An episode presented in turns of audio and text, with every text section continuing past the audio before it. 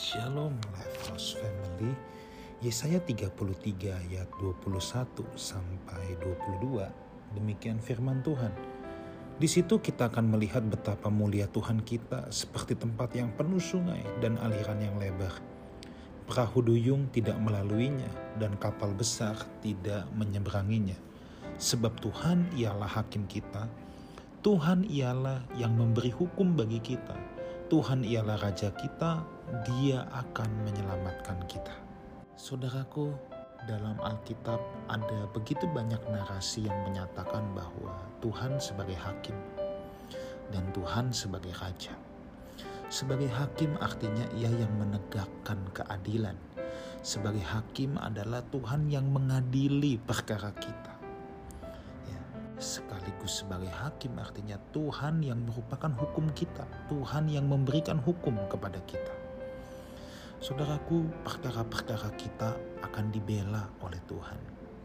Selama kita berbuat benar sekalipun kita saat ini mungkin tertindas dan teraniaya. Tetapi percayalah bahwa Tuhan adalah hakim yang adil, hakim yang tidak bisa disuap dan ada saatnya pasti Tuhan akan membela perkara saudara. Dan dalam hal ini adalah kedaulatan Tuhan.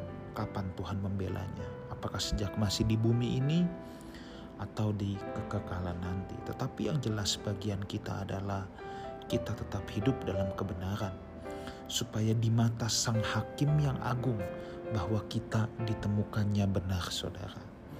Dia hakim yang tidak bisa disuap, tidak bisa diatur, tidak bisa dipengaruhi hukum ada dalam dirinya dan dirinya merupakan hukum itu. Kita dibatasi oleh Tuhan, bukan aturan-aturan manusia mana pun. Itulah sebabnya kehidupan orang percaya selalu dibatasi oleh firman Tuhan.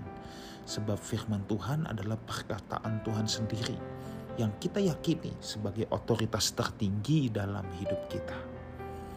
Dan juga di sini dikatakan bahwa Tuhan ialah raja kita, Dia yang menyelamatkan kita. Tuhan adalah raja kita, berarti Tuhan yang memegang kendali, Tuhan yang memerintah, Tuhan yang jadi bos besar. Tuhan yang pegang kendali atas seluruh aspek hidup kita, Tuhan penguasa tunggal dalam hidup kita. Itulah sebabnya saudara, jangan pernah ragukan Tuhan. Alkitab berkata, sehelai rambut kita pun tidak akan jatuh tanpa seizin Tuhan. Artinya apa?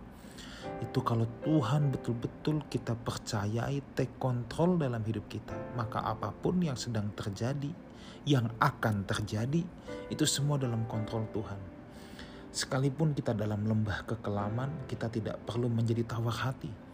Dan kita tidak perlu mencari ramalan-ramalan, nubuatan-nubuatan untuk mengetahui hari esok. Sebab kita tahu bahwa hari esok kita pun ada di dalam tangan Tuhan. Sebab dia adalah Raja kita. Raja di mana pun saudara ya selalu ingin menyejahterakan rakyatnya.